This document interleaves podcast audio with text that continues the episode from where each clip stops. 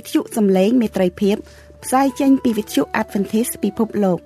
នាងខ្ញុំ Erica Pha ហើយខ្ញុំចន Prisley Pha សូមគោរពនិងស្វាគមន៍ចំពោះអស់លោក លោកស្រី និងប្រិយមិត្តអ្នកស្ដាប់ទាំងអស់ជាទីមេត្រី បងប្អូនលោកអ្នកកំពុងស្ដាប់ដំណឹងល្អពីវិទ្យុសំឡេងមេត្រីភាព ដែលផ្សាយចេញជាភាសាខ្មែរមួយថ្ងៃពីរលើកព្រឹកពីម៉ោង6ដល់ម៉ោង6:30នាទី ពេលល្ងាចពីម៉ោង8ដល់ម៉ោង8:30នាទីយប់តាមរលកធាតុអាកាសខ្លី short wave 15150 kHz កម្ពស់19ម៉ែត្រអ្នកស្រីសុនសវណ្ណានឹងជម្រាបជូននៅកម្មវិធីសម្រាប់ថ្ងៃនេះដូចតទៅ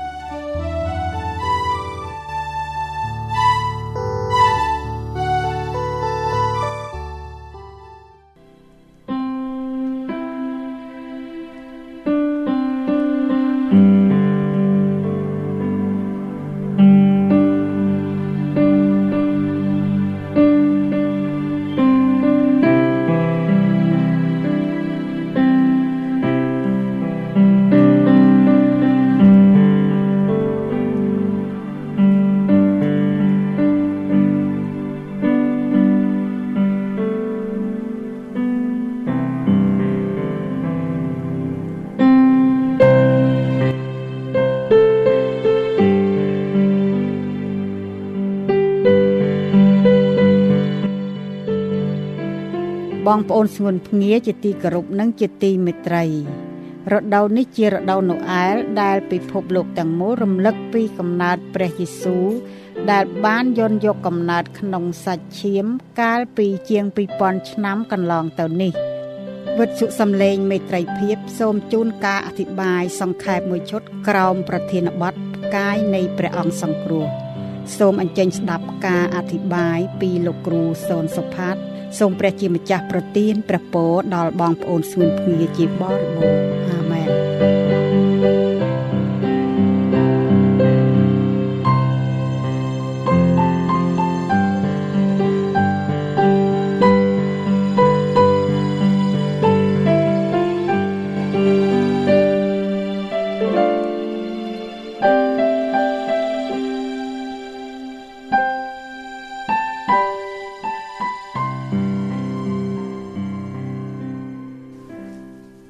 បាទសួស្តីថ្ងៃសប្តាហ៍ដល់បងប្អូនសុនភ្ងាទាំងអស់ជាទីគោរពនិងជាទីមេត្រីបងប្អូនគ្រិស្តបរិស័ទទាំងអស់ដោយសេចក្តីស្រឡាញ់នៅក្នុងព្រះអង្គម្ចាស់បាទនៅក្នុងរដូវនេះគឺជារដូវណូអែលដែលទូទាំងសកលលោកគេនាំគ្នាប្រារព្ធពិធីហើយនឹងរំលឹកអំពីកំណើតរបស់ព្រះយេស៊ូវគ្រីស្ទដែលជាព្រះអង្គសង្គ្រោះ ដែលទ្រង់បានយល់យកកំណើតជាមនុស្សចំនួនជាង2000ឆ្នាំកន្លងទៅនេះ វិទ្យុសំឡេងមន្ត្រីភាពមានសេចក្តីសោមនស្សណាហើយនឹងចូលរួមអបអរជាមួយនឹងបងប្អូនទាំងអស់គ្នា ដើម្បីរំលឹកអំពីព្រះយេស៊ូវដែលជាព្រះអង្គជាព្រះអធិការដែលបង្កើតលោក ហើយព្រះអង្គក៏ជាព្រះអង្គដែលបានយាងមកដើម្បីដោះបាបយើងរាល់គ្នា ហើយមួយទៀតគឺព្រះអង្គអឺជាព្រះអង្គសង្គ្រោះដែលទ្រង់នឹងយាងមកវិញនៅក្នុងពេលខាងមុខដោយសាររដូវនេះជារដូវណូអែលដែលអឺ ចិត្តគំនិតរបស់យើងទាំងសេចក្តីជំនឿរបស់យើងគឺផ្ដោតទៅលើព្រះយេស៊ូវគ្រីស្ទដែលជាព្រះអង្គសង្គ្រោះនោះវត្ថុសម្លេងមត្រីភាពគឺនឹងចូលរួមជាមួយបងប្អូនលោកអ្នកនៅជុំវិញពិភពលោក ដើម្បីនឹងពិនិត្យពិចារណាទៅលើខ្លឹមសារអំពីអឺសេចក្តីសង្គ្រោះហើយក៏ដូចជាស្វែងយល់ថែមទៀតអំពីព្រះយេស៊ូវថាតើជាព្រះអង្គណាហើយជាព្រះអង្គ មានលក្ខណៈយ៉ាងណាដែលយើងទាំងអស់គ្នាជឿដល់ព្រះអង្គហើយសង្ឃឹមទុកចិត្តថាព្រះអង្គទ្រង់នឹងយើងមកវិញដូច្នេះថ្ងៃនេះខ្ញុំតាមសំណូមពររបស់បងប្អូនមួយចំនួនផងដែរគឺខ្ញុំនឹងលើក នៅឈុតអធិប្បាយមួយអឺដែលមានចំណងជើងថាផ្កាយនៃព្រះអង្គសង្គ្រោះភាសាអង់គ្លេសថា The Messianic Star គឺថាជាផ្កាយនៃព្រះអង្គសង្គ្រោះ បាទថ្ងៃនេះយើងនឹងសិក្សាហើយនឹងអឺបដោតអារម្មណ៍ទៅលើបទបន្ទូលរបស់ព្រះអង្គថាតើនៅក្នុងនៃនៃផ្កាយនៃព្រះអង្គសង្គ្រោះនេះមានអត្ថន័យយ៉ាងណាជាប់តេតិនទៅនឹងកំណើតរបស់ព្រះយេស៊ូវដូច្នេះមុននឹងចាប់ផ្ដើមខ្ញុំសូមអញ្ជើញបងប្អូនសុនភ្ងាបានសង្រួមកាយដើម្បីអធិដ្ឋានសូមប្រពោពីព្រះជាម្ចាស់ព្រះវរបិតាជាព្រះនៃទូមគុំនិងព្រះនៃលោកសន្និវាសទាំងមូលគឺជាព្រះអង្គដែលទ្រង់បង្កើតលោកទ្រង់ មានផែនការសង្គ្រោះដល់យើងខ្ញុំទាំងអស់គ្នាហើយព្រះអង្គដែលមានប្រតិសន្តោសប្រោសប្រណីនិងពោពេញដោយប្រគុណព្រះអង្គចាស់ទូមគុំសូមអរគុណព្រះអង្គនៅក្នុងពេលនេះដែលទូមគុំលើកអំពីបទបន្ទូលដែលចែងអំពីព្រះអង្គសង្គ្រោះគឺព្រះយេស៊ូវគ្រីស្ទជាព្រះរាជបុត្រារបស់ព្រះអង្គគឺទូមគុំសូមយាងព្រះមានបរិសុទ្ធបានបំភ្លឺឲ្យទូមគុំទាំងអស់គ្នាបានយល់បានស្គាល់ ព្រះអង្គគឺជាព្រះអង្គសង្គ្រោះតែមួយ ដែលទូមគុំទាំងអស់គ្នាកំពុងរងចាំព្រះអង្គចាស់ទូមគុំសូមយាងព្រះមានបរិសុទ្ធជាអធិបតីនៅក្នុងពេលដែលទូមគុំបានពិនិត្យពិចារណានិងសិក្សាអំពីព្រះបន្ទូលដ៏បរិសុទ្ធរបស់ព្រះអង្គទូមគុំសូមលើកថ្វាយគ្រប់កិច្ចការទាំងអស់ដោយនៅព្រះនាមព្រះអង្គចាស់ព្រះយេស៊ូវគ្រីស្ទអាមែនបងប្អូនសុនភ្ងាជាទីគោរពនិងជាទីមេត្រីបងប្អូនគ្រីស្ទបរិស័ទជាទីស្រឡាញ់នៅក្នុងព្រះអង្គម្ចាស់ មុននឹងយើងបានមើលទៅក្នុងបទគម្ពីរទាំងអស់នេះគឺខ្ញុំសូមអញ្ជើញបងប្អូនលោកអ្នកបានពិចារណាមើលទៅលើចំណុចមួយចំនួនជូនបងប្អូនលោកអ្នកឲ្យបានដឹងថាតើផ្កាយមានតួនាទីអ្វីនៅក្នុងលោកចក្រវាលនេះនិងនៅក្នុងជីវិតរបស់មនុស្សបាទមុនសម័យទំនើបសម័យអេឡិចត្រូនិកគឺសម័យកុំព្យូទ័រនោះមនុស្សពឹងពាក់អាស្ពឹងអាស្រ័យទៅលើផ្កាយមួយចំនួន ដើម្បីនឹងចំណាំទិស ឬដើម្បីស្វែងរកទិសនៅពេលដែលគេវង្វេងមនុស្សពឹងពាក់ទៅលើផ្កាយសម្រាប់នាំផ្លូវតាំងពីសម័យពុរេប្រវត្តិសាស្ត្របាទយើងអាចមើលឃើញផ្កាយនៅលើមេឃស្រឡះទៅដល់ទៅប្រហែលជាជាង6000ផ្កាយណាដោយភ្នែកទទេ ហើយនៅក្នុងនោះមានផ្កាយអឺចំនួន57ដែលមនុស្សពីសម័យបុរាណនិងពួកតារាវិទូនិងពួកខាងនាវាចរណាគេថាគេប្រើ សម្រាប់ចំណាំទិសនិងរកទិសដែលភាសាអង់គ្លេសហៅថា navigation star បាទ navigation star ឬក៏ហៅ navigation astronomy ដូច្នេះយើងឃើញថាផ្កាយមានតួនាទីសំខាន់ណាស់សម្រាប់ជួយឲ្យយើង បានចំណាំទិសបានចំពោះអ្នកដែលវង្វេងអាចនឹងរកឃើញអឺទីកន្លែងដែលគេវិលត្រឡប់មកទីកន្លែងដើមរបស់គេវិញបាន បាទដូច្នេះយើងឃើញថាផ្កាយមានតួនាទីសំខាន់មែនទែន បាទចុះតើនៅក្នុងព្រះគម្ពីរតើនៅក្នុងនេះដែលពួកអ្នកប្រាជ្ញខាងព្រះគម្ពីរក្តីពួកអ្នកដែលស្រាវជ្រាវសិក្សាតាមបទបន្ទូលរបស់ព្រះអង្គតើគេចង់មានន័យថាដូចម្ដេចអឺនៅក្នុងព្រះគម្ពីរទាំងមូល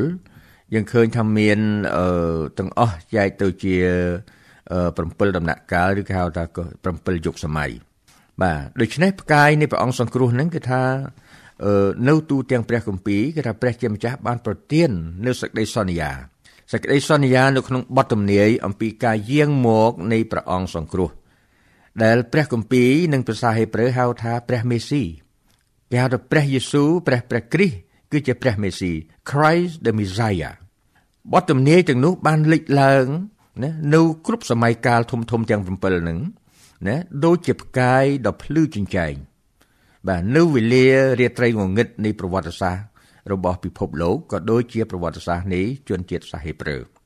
បាទបើយើងនិយាយចំគឺថានៅក្នុងប្រវត្តិសាស្ត្រនៃអឺរាជរបស់ផងព្រះបើសិនជាយើងមើលនៅក្នុងបទកម្ពីបងប្អូនលោកអ្នកយើងឃើញថាចាប់តាំងពីគម្ពីរលោកកបាត់ជំពូក3ខ15បាទជំពូក3ខ15 បងប្អូនលោកអ្នកដឹងហើយថានៅក្នុងព្រះគម្ពីរទាំងមូលបើយើងមើលឡើងវិញពីម្ខាងទល់ម្ខាងយើងឃើញថាមានតែពីរជំពូកទេដែលមិនមានអ្វីដិតដាមនៅក្នុងអំពើបាបគឺថាគឺពោពេញទៅដោយអឺសេរីល្អរបស់ព្រះហើយក៏គេថាមិនទាន់មានអ្វីដែលជាអំពើបាបបានចូលមកលុកលុយទេដូច្នេះចាប់ផ្ដើមពីលោកកបាត់ចម្ពុះ3យើងឃើញថាអាដាមអេវ៉ា បានធ្លាក់ចុះទៅក្នុងស្ដីលបួងរបស់អរសាតាំងណាដែលវាធ្វើជាគូបដិបកជាគូសត្រូវនៃជាមួយនឹងព្រះតាំងពីដើមរៀងមកដូច្នេះយើងឃើញថាអាដាមអេវ៉ាបានធ្លាក់ចុះទៅក្នុងអំពើបាបហើយនៅក្នុងព្រះគម្ពីរបងប្អូនលោកអ្នកដឹងហើយថាខ្ញុំសូមអញ្ជើញបងប្អូនបើកទៅគម្ពីរលោកកបាត់នៅជំពូក2បាទនៅលោកកបាត់ជំពូក2គឺមានចែងអំពី ការត្រាស់បង្គាប់របស់ព្រះអង្គគឺជាសេចក្តីតម្រូវមួយចាំបាច់នៅក្នុងសួនច្បារអេដែនគម្ពីរលោកកបាត់ជំពូក2ខអឺ15ខ្ញុំសូមឲ្យបងប្អូនលោកអ្នកមើលពីខដើម្បីឲ្យយើងបានយល់ថាហេតុអ្វីបានជាមានព្រះអង្គសង្គ្រោះបាទឥឡូវបងប្អូនលោកអ្នកមើលថាយើងមើលខ8មកត្រួសមករួចព្រះយេហូវ៉ាដ៏ជាព្រះទ្រង់ធ្វើសួនច្បារមួយនៅស្រុកអេដែនទិសខាងកើត ក៏ដាក់មនុស្សដែលទ្រង់បានអឺសូនធ្វើឲ្យនៅទីនោះខ9ព្រះយេហូវ៉ាដ៏ជាព្រះទ្រង់ក៏ធ្វើឲ្យដីដុះគ្រប់អស់ទាំងដើមឈើដែលគួរពេចពិលរមិលមើលហើយសម្រាប់ជាអាហារផងក៏ដាំដើមជីវិតនឹងដើមសម្រាប់ដឹងខុសត្រូវបាទអរគុណព្រះអង្គហើយបើយើងមើលមកខាងក្រោមទៀតខ្ញុំឲ្យបងប្អូនឈ្មោះមកខ15ព្រះយេហូវ៉ាដ៏ជាព្រះទ្រង់យកអាដាមទៅដាក់នៅក្នុងសួនច្បារអេដែន ឲ្យគាត់ធ្វើការហើយថែរក្សាព្រះយេហូវ៉ាដ៏ជាព្រះទ្រង់បង្គាប់ទៅអាដាមថាឯងនឹងស៊ីផ្លែឈើទាំងអស់ក្នុងសួនច្បារនេះបានតាមចិត្តតែឯត្រង់ដើមដឹងខុសត្រូវនោះមិនត្រូវឲ្យឯងស៊ីផលឡើយត្បិតនៅថ្ងៃណាដែលឯងស៊ីនោះនឹងត្រូវស្លាប់ជាមិនខានបងប្អូនលោកអ្នកនេះគឺជាអឺ ការត្រាស់បង្គាប់ដោយសេចក្តីស្រឡាញ់របស់ព្រះ ចំពោះអាដាមអេវ៉ាដែលជាសមិទ្ធផលថ្មី ដែលព្រះអង្គបានដាក់នៅក្នុងសួនច្បារដែនឥឡូវបងប្អូនលោកអ្នកមើលតមកខាងក្រោមទៀតនៅក្នុងលោកកបាត់ចម្ពោះ3ខ1ឯពស់ជាសត្វចេះឧបាយកលលើសជាងអស់ទាំងសត្វព្រៃដែលព្រះយេហូវ៉ាដ៏ជាព្រះទ្រង់បានបង្កើតវានិយាយទៅកាន់ស្ត្រីថាតើព្រះមានបន្ទូលហាមមិនអោយអ្នកបរិភោគផ្លែឈើណានៅក្នុងសួនច្បារមានឬ ស្ត្រីឆ្លើយតបថាយើងបរិភោគអស់ទាំងផ្លែឈើនៅក្នុងសួនច្បារបាន តែត្រង់ដើមឈើមួយនៅកណ្ដាលសួនច្បារនោះ ព្រះទ្រង់មានបន្ទូលថាកុំអោយបរិភោគផ្លែនោះឡើយថែមទាំងកុំអោយពលប៉ះផងក្រែងលោស្លាប់រួចពស់និយាយទៅស្ត្រីថាអ្នកមិនស្លាប់ជាពិតមែនទេត្បិតព្រះទ្រង់ជ្រាបថានៅថ្ងៃណាដែលអ្នកបរិភោគនោះភ្នែកអ្នកនឹងបានភ្លឺឡើងហើយអ្នកនឹងបានដូចជាព្រះដែរ ព្រមទាំងដឹងការខុសត្រូវផង កាលស្ត្រីបានឃើញថាផ្លែឈើនោះ បរិភោគបានក៏ជាទីគាប់ដល់ភ្នែកហើយជាដើមដែលលមួមគួរនឹងចង់បានដើម្បីឲ្យបានប្រាជ្ញានោះនាងក៏យកផ្លែមកបរិភោគព្រមទាំងចែកឲ្យដល់ប្តីដែរគាត់ក៏បរិភោគតាមលើយើងផ្លាស់ពីការនឹងបងប្អូនលោកអ្នកឃើញថាពេលនេះយើងឃើញថាតើស្ថានភាពរបស់អាដាមអេវ៉ាយ៉ាងដូចម្តេចបាទសេចក្តីថាគេសុខចិត្តស្ដាប់បង្គាប់ ស្ដាប់បង្គាប់ដល់អរិយសាតាំងដែលខ្លែងធ្វើជាសត្វពស់នោះហើយគេសុកចិត្តបើគេស្ដាប់បង្គាប់សត្វពស់ដែលជាអរិយនោះបានស្ដីថាគេបានបំពេញទៅលើច្បាប់នៃក្រឹតវិន័យនៃសេចក្តីស្រឡាញ់របស់ព្រះដូច្នេះនេះហើយដែលហៅថាអំពើបាបបងប្អូនលោកអ្នក គឺជាដើមចមនៅក្នុងនេះយើងមើលឃើញចំណុចនេះគឺថាជាចំណុចចាប់ផ្ដើមអឺនៅក្នុងសំណេរនេះព្រះគម្ពីរក៏មិនបានជា លំអិតពិស្ដារទេក៏ប៉ុន្តែយើងអាចមើលឃើញនៅក្នុងនេះគឺជាចំណុចចាប់ផ្ដើមនៃអំពើបាបហើយបងប្អូនលោកអ្នកមើលឃើញក្នុងព្រះគម្ពីរគឺថាអំពើបាបហ្នឹងគឺនៅក្នុងព្រះគម្ពីរបងប្អូនលោកអ្នកខ្ញុំសូមអញ្ជើញបងប្អូនយើងត្រូវស្វែងយល់អំពីខ្លឹមសារពីព្រោះថាយើង ជាអ្នកស្វែងរកសេចក្តីសុចរិតស្វែងរកនគរឋានសួគ៌យើងត្រូវស្គាល់អំពើបាបអំពើបាបគឺថាតាំងពីព្រះបានបង្កើតសួនស្បៃដែនមកមកទល់សពថ្ងៃនេះគឺវានៅតែដដែលសេចក្តីលបួងក៏នៅដដែលអឺដូច្នេះយើងឃើញថាយើងត្រូវប្រយ័ត្នបើសិនបើយើងមិនបានស្គាល់នៅខ្លឹមសារនៃអំពើបាប យើងអាចនឹងធ្លាក់ចុះទៅក្នុងអំពើបាបដោយអចេតនាឬក៏ដោយចេតនា បងប្អូនអ្នកយើងមើលទៅគម្ពីរយ៉ូហានខ្សែទី1ចំពុក3ខ4គឺថាអឺលោកយ៉ូហាន លោកបានសរសេរសម្បត្តិរបស់លោកណាដើម្បីជួយរំលឹកដាស់តឿនយើង នៅក្នុងទំព័រព្រះគម្ពីរបរិសុទ្ធទំព័រ1587បាទអឺយ៉ូហានខ្សែទី1ចំពុក3ខ4ឯអស់អ្នកណាដែល ប្រព្រឹត្តអំពើបាបវិញនោះក៏ឈ្មោះថា ប្រព្រឹត្តរំលងក្រឹតវិន័យដែរត្បិតអំពើបាបជាការរំលងក្រឹតវិន័យហើយនេះហើយគឺថាជាលក្ខណៈមួយដែលយើងឃើញថាអាដាមអេវ៉ានគេបាននៃបំពេញទៅលើនៃច្បាប់តែមួយរបស់ព្រះអង្គគឺថាព្រះបានមានទូលថាឯងអាចនឹងបេះផ្លែស៊ីផលទាំងអស់បានប៉ុន្តែត្រង់តែដើមឈើមួយនៅកណ្ដាលសួនច្បារនោះមិនត្រូវអោយណែស៊ីផលឡើយត្បិតនៅថ្ងៃណាដែលឯងស៊ី នោះនឹងត្រូវស្លាប់ជាមិនខានសូមអភ័យទោសពីព្រោះនៅព្រះគម្ពីរគេបកប្រែមកអញ្ចឹងដូច្នេះនេះជាព្រះបន្ទូលរបស់ព្រះទៅកាន់អាដាមអេវ៉ាណែយើងអាចនឹងយល់បាននៅក្នុងនេះសាមញ្ញមួយគេថាដូចជាទទួលទានផ្លែឈើទទួលទានអាហារនេះក៏បានដែរឥឡូវបងប្អូនលោកអ្នកយើងពិចារណាមើលនៅក្នុងនេះ ថាតើបើសិនបើគ្រាន់តែធ្វើបាបណានៅជាមួយនឹងព្រះតើវាមានការអីដែលយើងគួរភ័យបារម្ភ កាលណាបងប្អូនលោកអ្នកមើលគម្ពីរយ៉ូហានខ្សែទី1ចំពុក3ខ4អំពីខ្លឹមសារនិយមន័យនៃអំពើបាបខ្ញុំសូមអញ្ជើញបងប្អូនត្រូវមើលទៅគម្ពីរមួយខទៀតនៅក្នុងគម្ពីររ៉ូមចំពុក6ខ23ពីព្រោះថាខគម្ពីរទាំងពីរនេះគឺបានបញ្ចប់នៅខ្លឹមសារអត្តន័យនៃអំពើបាបហើយនឹងលទ្ធផលនៃអំពើបាបសូមយើងកុំអោយភ្លេចឲ្យសោះកាលណាអំពើបាបគឺតោងមានគេហៅថា លទ្ធផលរបស់វាគឺនៅក្នុងព្រះគម្ពីររ៉ូមចំពុក6ខ23ថាត្បិតឈ្នួលរបស់អំពើបាបនោះជាសេចក្តីស្លាប់ តែអំណោយទាននៃព្រះវិញគឺជាជីវិតដ៏នៅអស់កលជានិច្ចដោយព្រះគ្រីស្ទយេស៊ូវជាព្រះអម្ចាស់នៃយើងរាល់គ្នា បងប្អូនលោកអ្នកយើងឃើញថានៅក្នុងព្រះគម្ពីរជាជាព្រះបន្ទូលដ៏រស់របស់ព្រះអង្គគឺជាដំណឹងល្អមួយខនេះ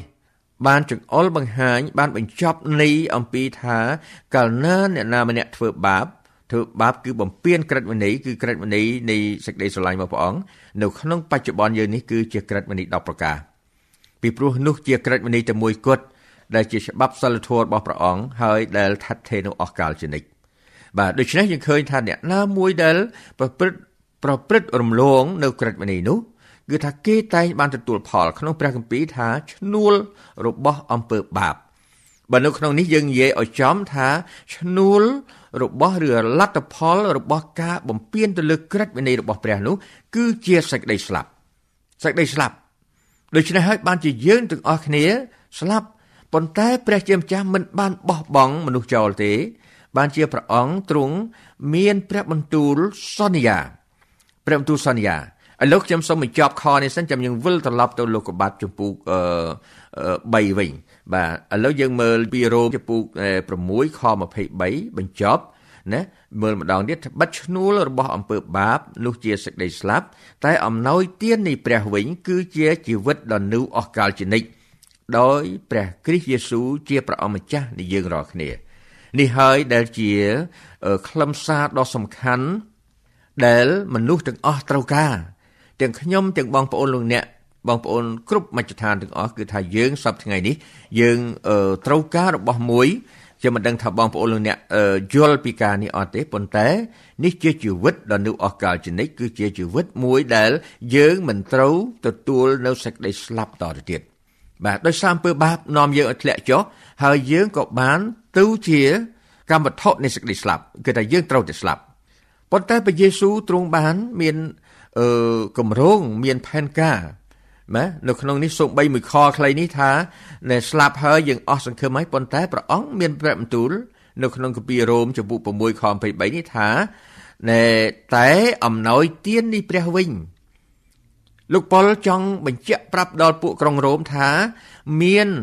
មានបង្អួចនៃសេចក្តីសង្ឃឹមមួយគឺថាមានសេចក្តីសន្យារបស់ព្រះ គឺថាអំណោយទានរបស់ព្រះអង្គគឺថាសម្រាប់មនុស្សទាំងអស់ ណាដូច្នេះបើសិនជាជីវិតអស់កាលជានិច្ចនេះមានតម្លៃណាមួយណាដែលដែលយើងអាចទិញបាននោះប្រកាសជាមានកម្រិតឬក៏មនុស្សខ្លះអាចទទួលបានមនុស្សខ្លះមិនអាចបានទៅតាមធនធានរបស់ខ្លួនប៉ុន្តែខ្ញុំសូមជើញបងប្អូនទាំងអស់គ្នាយល់ថា អំណោយទាននេះព្រះសេចក្តីសង្គ្រោះជីវិតអស់កាលជានិច្ចគឺជាអំណោយទានរបស់ព្រះ ដែលបងប្អូនលោកអ្នកសូម្បីអ្នកក្របំផុតក៏អាចទទួលយកបានដែរ ណាគឺដោយសារអីដោយសារតែនៅក្នុងបទបន្ទូលនេះថា ជាអំណោយទានរបស់ព្រះជីវិតអស់កលជានិច្ចដោយព្រះគ្រីស្ទយេស៊ូវនេះគឺជាកន្លឹះមួយថាតើយើង នឹងទទួលស្គាល់យើងនឹងទទួលយកនឹងយើងនឹងទទួលយកព្រះយេស៊ូវគ្រីស្ទជាថាជាព្រះអង្គសង្គ្រោះនៃយើងដែរឬទេនេះគឺជាកន្លឹះមួយធំលោកខ្ញុំសូមអញ្ជើញបងប្អូនវិលត្រឡប់ទៅគម្ពីរលោកុបាទចំពុក3យើងនឹងមើលជាមួយគ្នាតទៅទៀតថាតើនៅក្នុងនេះ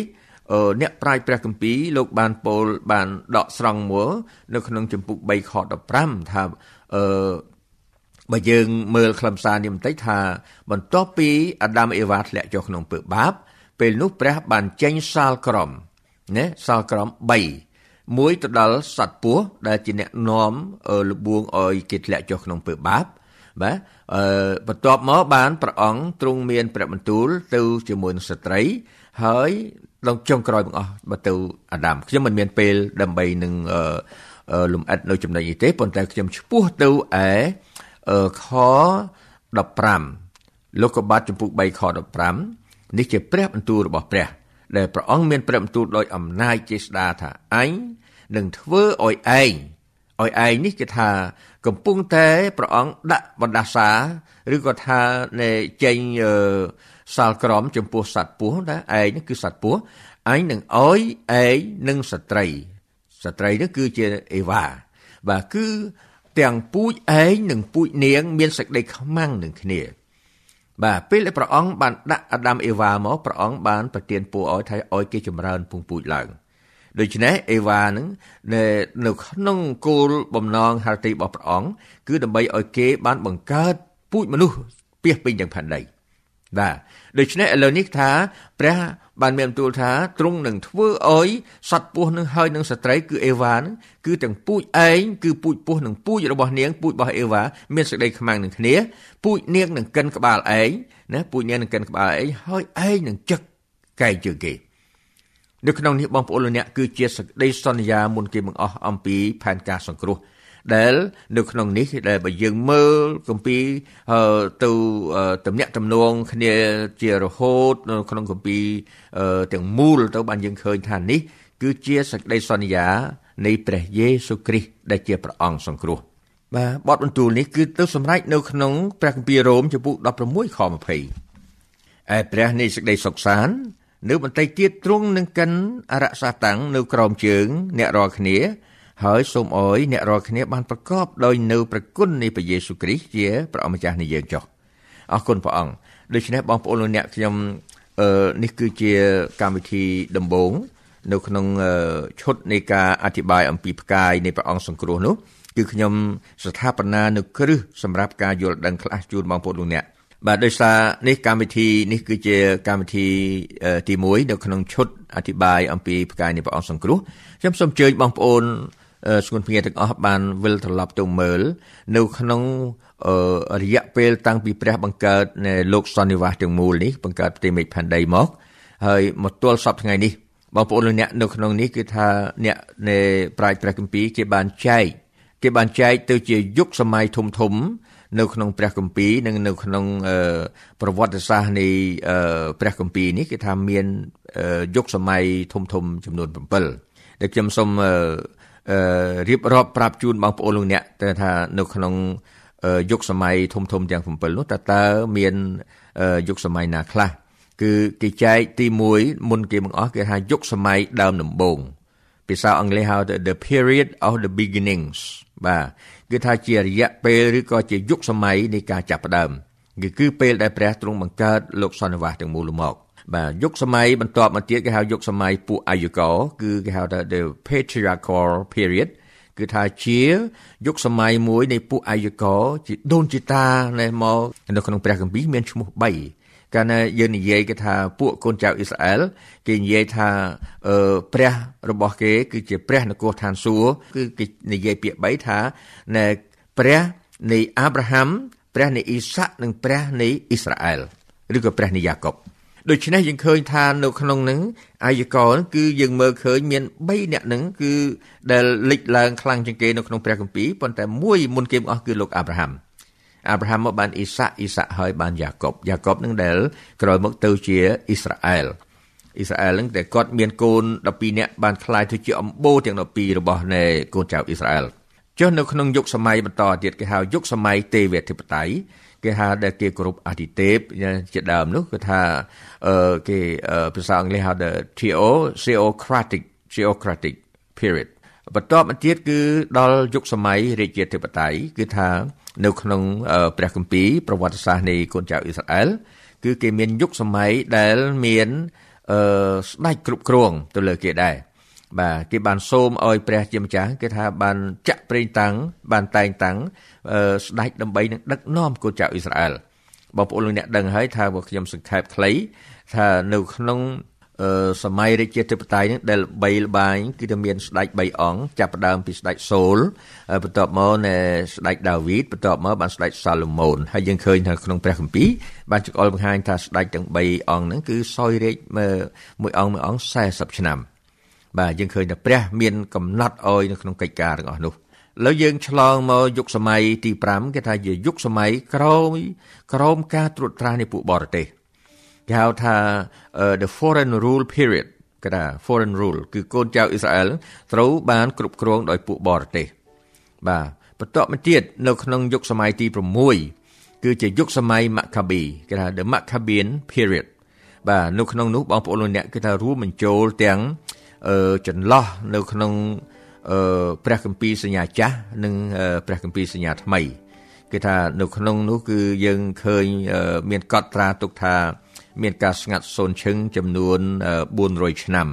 ដូច្នេះនៅក្នុងសម័យយុគសម័យម៉ាខាប៊ីគឺនៅក្នុងយុគសម័យនោះឯងបាទហើយបន្តទៀតដូចចុងក្រោយបញ្ចប់គឺថាជាយុគសម័យអឺរ៉ូមណាគេហៅ the Roman period នៅក្នុងនោះហើយដែលយើងទាំងអស់គ្នា យើងឃើញនៅក្នុងព្រះគម្ពីរសញ្ញាថ្មី នៅក្នុងព្រះគម្ពីររហូតដល់កិច្ចការមានចែងយ៉ាងច្រើនអំពីកិច្ចការរបស់លោកប៉ុលនៅសម្បត្តិរបស់លោកប៉ុលទៅកាន់ក្រុងរ៉ូមនៅក្នុងគម្ពីរមួយទៀតគម្ពីររ៉ូមគឺយើងឃើញថាយុគសម័យរ៉ូមនោះហើយដែលជាយុគសម័យដែលព្រះយេស៊ូវទ្រង់បានចាប់កំណើតប្រសូតមក កាលព្រះយេស៊ូវទ្រង់ប្រសូតមក នៅភូមិបេតលេហឹមស្រុកយូដា ក្នុងរាជស្ដេចហេរ៉ូតនោះមានពួកហោរាពីទិសខាងកើត មកដល់ក្រុងយេរូសាឡឹមសួរថាតើព្រះអង្គដែលប្រសូតមកធ្វើជាស្ដេចសាសយូដាទ្រង់គង់នៅឯណាពីព្រោះយើងបានឃើញផ្កាយរបស់ទ្រង់ពីទិសខាងកើតមក ហើយយើងមកថ្វាយបង្គំទ្រង់យ៉ូហានជំពូក3ខ16គម្ពីរចែងថាត្បិតព្រះទ្រង់ស្រឡាញ់នោះលោក ដល់ម្លេះបានជាទ្រង់ប្រទានព្រះរាជបុត្រាទ្រង់តែមួយ ដើម្បីឲ្យអ្នកណាដែលជឿដល់ព្រះរាជបុត្រានោះមិនត្រូវវិនាសឡើយគឺឲ្យមានជីវិតអស់កលជានិច្ចវិញបាទសូមព្រះជាម្ចាស់ប្រទានពរនៅក្នុងកម្មវិធីក្រោយខ្ញុំនឹងជម្រាបជូនបងប្អូនលោកអ្នកយុគសម័យអាយុកោនិងយុគសម័យទេវាធិបតេយ្យជាបន្តទៅទៀតបាទសូមព្រះជាម្ចាស់ប្រទានពរបងប្អូនសូមគ្នាជាបរិបូរអាមែនកម្មវិធីសម្រាប់ថ្ងៃនេះចប់តែប៉ុណ្ណេះវិទ្យុយើង សូមថ្លែងអំណរគុណជាអតិបរមា ចំពោះការយកចិត្តទុកដាក់ស្ដាប់របស់អស់លោកអ្នកនាង សូមព្រះជាម្ចាស់នៃមេត្រីភាព ប្រោះប្រទានព្រះពរគឺសេចក្តីសុខសន្តិភាព អំណរនិងសុភមង្គល ជានិច្ចនិរន្តរ៍តរៀងទៅសួស្តី